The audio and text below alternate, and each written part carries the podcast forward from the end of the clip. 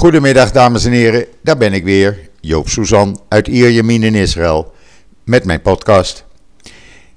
Ja, eh, volle podcast. Laten we daar maar eerst mee beginnen. Want er gebeurt natuurlijk vandaag van alles in Israël. Maar eerst maar eens even het weer. Nou, het is eh, vandaag weer, eh, ja, begint een sharaf. Betekent een droge woestijnwind die het land binnenkomt. Temperaturen vandaag zo rond de 24, 25 graden. En morgen rond de 32 tot 34 graden. Eh, woensdag neemt dat weer af en gaan we weer langzaam terug naar normaal weer. Dat betekent temperaturen tussen de 20, 25 graden. Dus ja, het is een beetje wisselvallig, maar wel in de goede zin des woords natuurlijk. Alhoewel, eh, het verschil tussen de nachttemperatuur en dagtemperatuur is nog wel groot. Morgennacht zal dat minder groot zijn, omdat dan die woestijnwind op zijn op top is, zeg maar.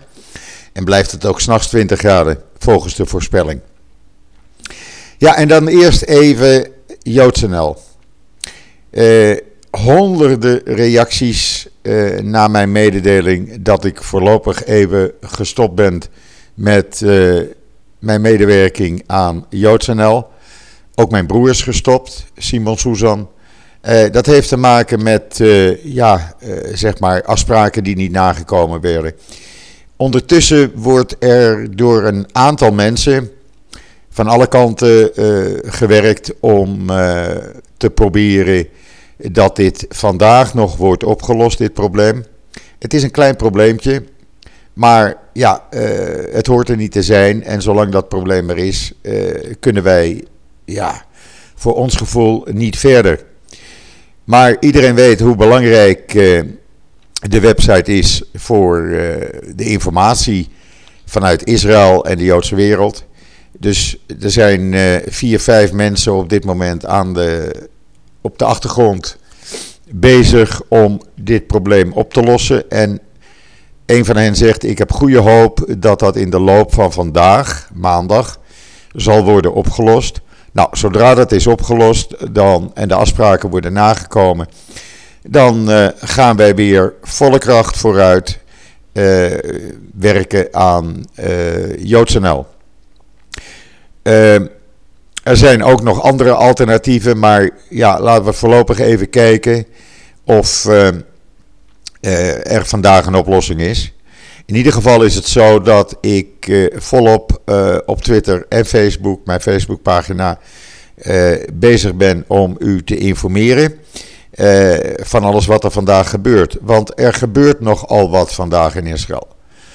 Allereerst, president Rivlin is een uurtje geleden begonnen met het ontvangen van alle partijleiders. De eerste die aan de tafel bijschoven, aanschoven, waren de vertegenwoordigers van Likud.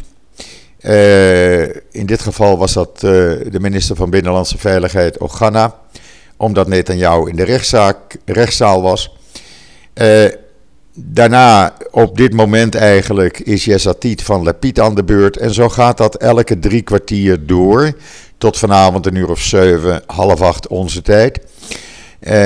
En daarna zal president Rivlin een beslissing nemen aan wie hij de opdracht gaat geven een regering samen te stellen. Natuurlijk, Likud hamert erop dat uh, zij de grootste partij zijn, dus dat zij uh, uh, de, de komende premier mogen of zouden moeten leveren. Rivlin heeft al laten blijken, ja, mogelijk speelt het proces tegen Netanyahu nou, toch in mijn beslissing een rol. Uh, u weet inmiddels dat er twee blokken zijn. Laten we maar voor het gemak zeggen: het blok Netanyahu en het blok anti-Netanyahu. In het blok Netanyahu zitten vooralsnog twee ultra-rechtse uh, partijtjes van Smotterich en Ben-Gvir, plus de drie ultra-orthodoxe partijen. Uh, 57 zetels in de Knesset, dus dat is te weinig. Je moet er 61 hebben, wil je een meerderheid, uh, een minimale meerderheid hebben van één zetel. Um, en we hebben het anti-Netanyahu-blok, uh, om het zo maar te noemen. En dat bestaat dus uit uh, Lapid, Benny Gans, Bennett, ja, men zegt dat er overeenstemming is tussen Bennett en Lapid. Uh, ik weet het niet. De twee linkse partijen zitten daarbij, Meretz en Labour. Uh, mocht uh, Bennett zich inderdaad aansluiten bij dit blok, dan zou dit blok dus een meerderheid hebben en zou premier, president Rivlin kunnen besluiten. Nou, dat is het blok wat de meeste kans maakt een regering samen te stellen. Uh, Bennett, ga jij het maar doen, ondanks dat hij maar zeven zetels heeft. Maar er schijnt overeenstemming te zijn tussen Lapid en Bennett over een rotatie als premier, waarbij Bennett uh, als eerste anderhalf jaar premier zou kunnen zijn.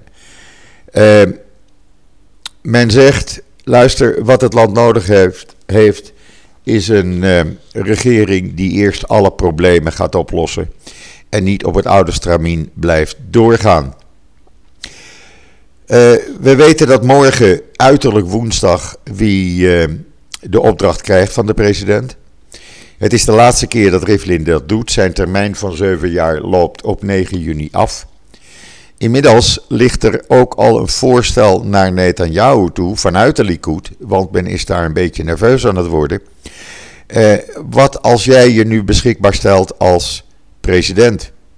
Dan eh, kan je een deal maken met de rechters of met de aanklagers. En dan, uh, ja, dan ben je zeven jaar eh, voorzien als president en ben je immuun voor verdere vervolging. Het schijnt dat Netanyahu daar oren naar zou hebben. Of dat zo is, het is niet 100% bekend. Het verhaal komt bij de Likud vandaan. Maar het kan best zijn dat dit een oplossing is om de politieke rust te bewaren.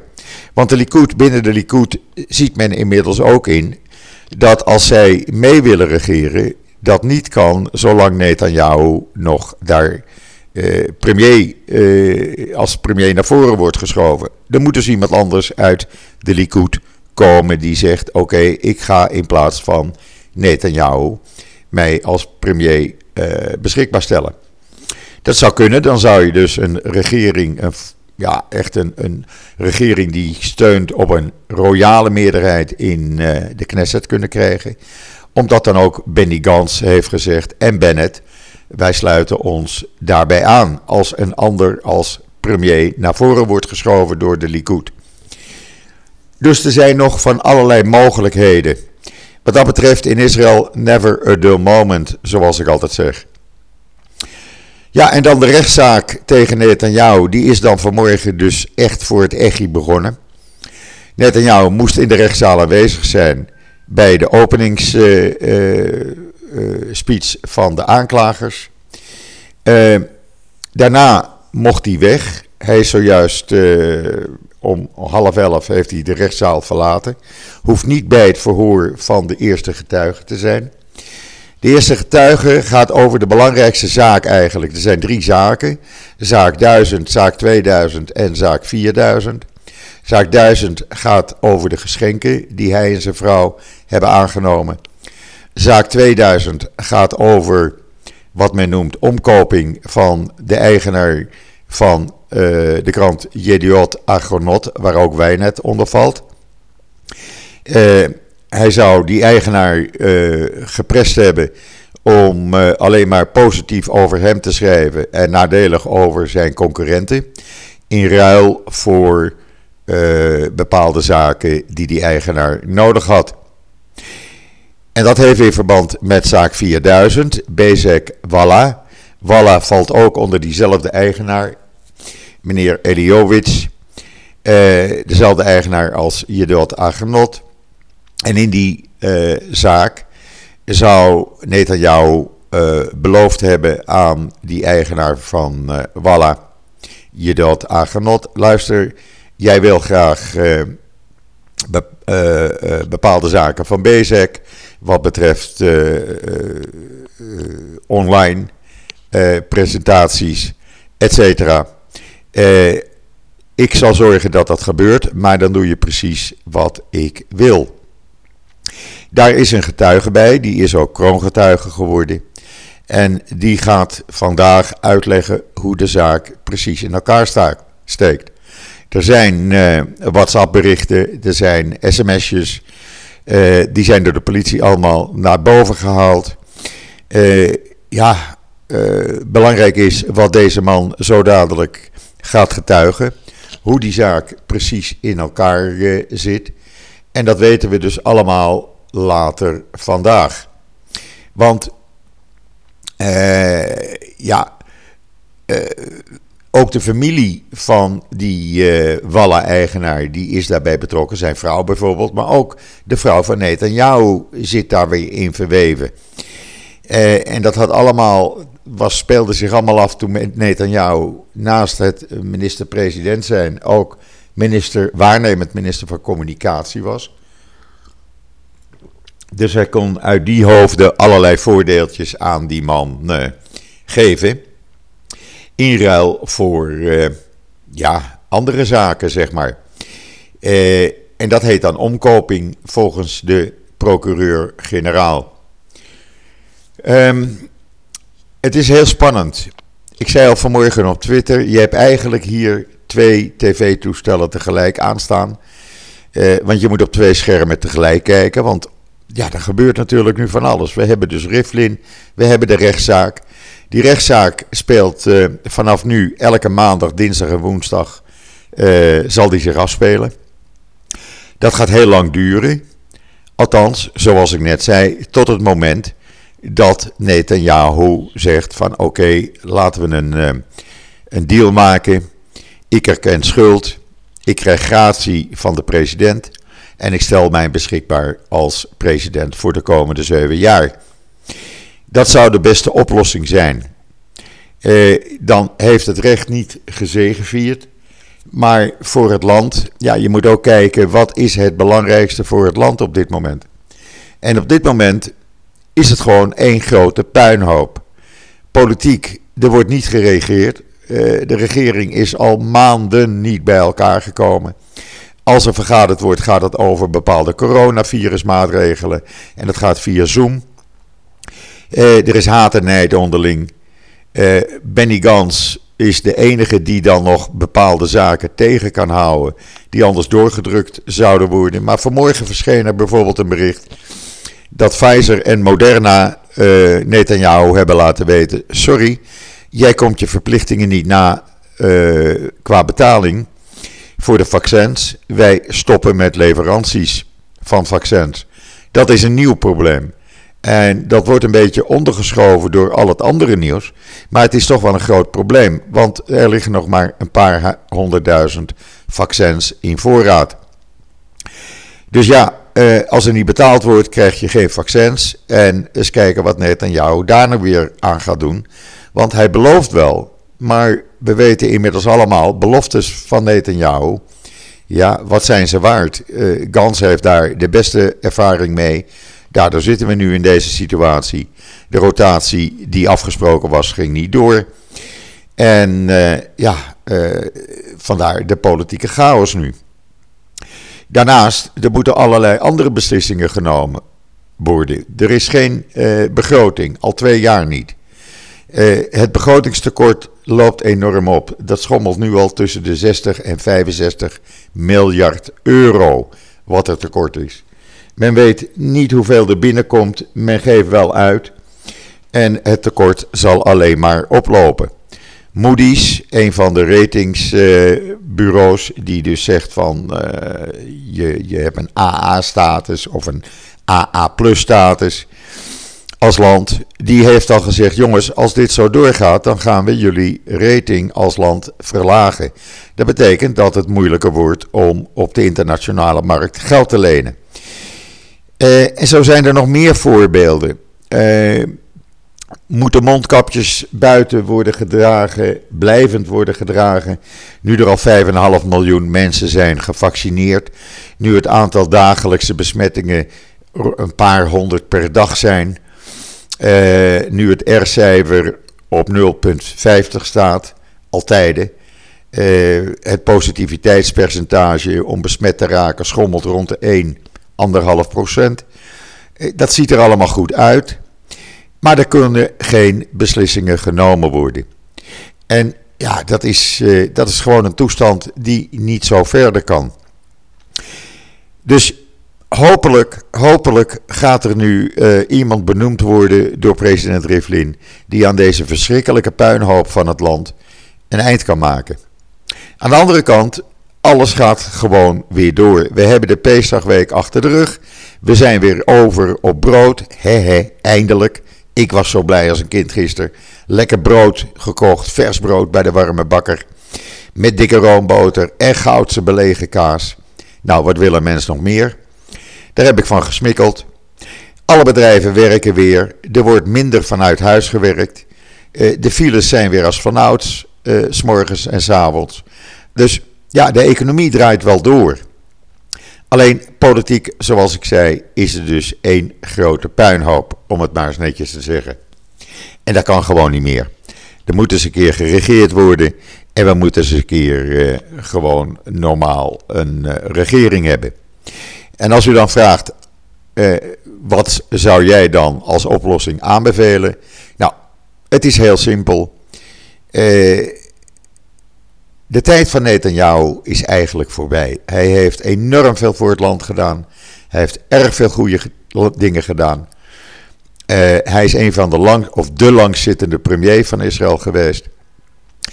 Zijn houdbaarheidsdatum is eigenlijk om. En uh, mijn idee is, als hij van het uh, politieke toneel verdwijnt, dan kan je een normale regering krijgen, waarbij veel partijen zullen samenwerken waarbij er geen sprake meer is van rechtszaken tegen een premier. En dan kan het land weer geregeerd worden. Ook de Likud kan dan gewoon volop meedoen aan een regering. En dit soort geluiden hoor je steeds vaker. Je ziet het in discussieprogramma's, je hoort het op uh, radio, je leest het in de kranten. Maar Netanyahu hangt aan de macht. Wat dat betreft is het een beetje vergelijkbaar met de situatie in Nederland, waar meneer Rutte ook schijnbaar geen afscheid kan nemen van het politieke leven. Maar ja, er is een tijd van komen en er is een tijd van gaan. En ik denk dat de tijd van gaan voor Netanyahu nu gekomen is. En hij kan beter de eer aan zichzelf houden dan uh, als premier veroordeeld te worden en achter slot en grendel te verdwijnen. Want dan hebben we helemaal een, uh, een toestand. Uh, en ik, eh, ik, denk niet dat dat het beste is voor het land. Ja, en dan komende donderdag is het uh, Yom HaShoah. Dat is de dag waarop de Joodse gemeenschap en ook Israël overal ter wereld uh, haar familieleden herdenkt die door de nazi's zijn vermoord in de jaren 40, 45. Hier in Israël begint dat woensdagavond. Dan zijn er allerlei ceremonieën op Mount Herzl. Uh, er worden fakkels ontstoken door Holocaust-overlevenden. Er worden gebeden gezegd. Dinsdag of donderdag gaat dat door. En dan zal er om 10 uur komt het land volledig tot stilstand. Als de luchtalarm sirene één minuut lang zijn harde geluid laat horen. Ik zal er daar donderdag live verslag van doen via Twitter en Facebook. Uh, en dan zult u zien hoe heel Israël opnieuw één minuut tot stilstand uh, komt om de vermoorde Joden, door, die door de nazi's zijn vermoord, uh, te herdenken. dat is altijd indrukwekkend. vooral hier in Israël voel je dat, omdat op zo'n moment, om tien uur s morgens, zie je iedereen stoppen. Zie je mensen uit de auto's komen. En met gebogen hoofd uh, stilstaan. Dat is heel indrukwekkend. Uh, nogmaals, ik laat u dat zien. Donderdag, Nederlandse tijd, 9 uur. Uh, dus hou dat even in de gaten. Ja, en dan gaan we daarna langzaam toe naar volgende week waarin Israël op 14 april haar onafhankelijkheid viert, onafhankelijkheidsdag, Yom Ha'atzmaut. Voorafgaand daaraan is op 13 april, op dinsdag, worden de doden herdacht die sinds het ontstaan van Israël in 1948 zijn gevallen. en in die 73 jaar zijn dat heel veel. ook daar zal ik u van laten meebeleven. Het mooiste vind ik altijd de flyovers op woensdag 14 april is dit. Waarbij vliegtuigen van de luchtmacht ehm, over het land vliegen, allerlei acrobatische toeren uitvoeren. In Tel Aviv is daar een hele grote show aan de kust. Mogelijk dat ik daar naartoe ga en van daaruit u laat meebeleven. Ik moet het nog even bekijken. In ieder geval, ja, het worden weer drukke dagen hier in Israël. En ja, daartussendoor hebben we natuurlijk het politieke proces het strafproces tegen Netanyahu, het coronavirus en wat er al dies meer in Israël gebeurt. Ik laat u zoveel mogelijk informatie weten. Hopelijk kan dat later, vanaf later vandaag, weer via JoodsNL. Of misschien via vanaf morgen. Zo niet, laat ik u dat ook weten. Ik hoop van harte dat het uh, via JoodsNL weer gaat lukken. Uh, we zijn er klaar voor. Ik heb allerlei artikelen al klaargezet. Lukt dat niet, dan zullen er alternatieve oplossingen komen. Dus u bent nog niet van mijn en mijn broer af. Voor nu, ja, laat ik het er even bij. ik ga mij weer bezighouden met het nieuws. Volg mij uh, op mijn Twitter en Facebook-account en u bent van alle laatste gebeurtenissen in Israël op deze belangrijke dag op de hoogte. Rest mij u nog een hele fijne voortzetting van uw tweede paasdag toe te wensen. Hier in Israël is het een gewone werkdag. Uh, wat mij betreft, ik ben de donderdag weer en zeg zoals altijd tot ziens, tot donderdag.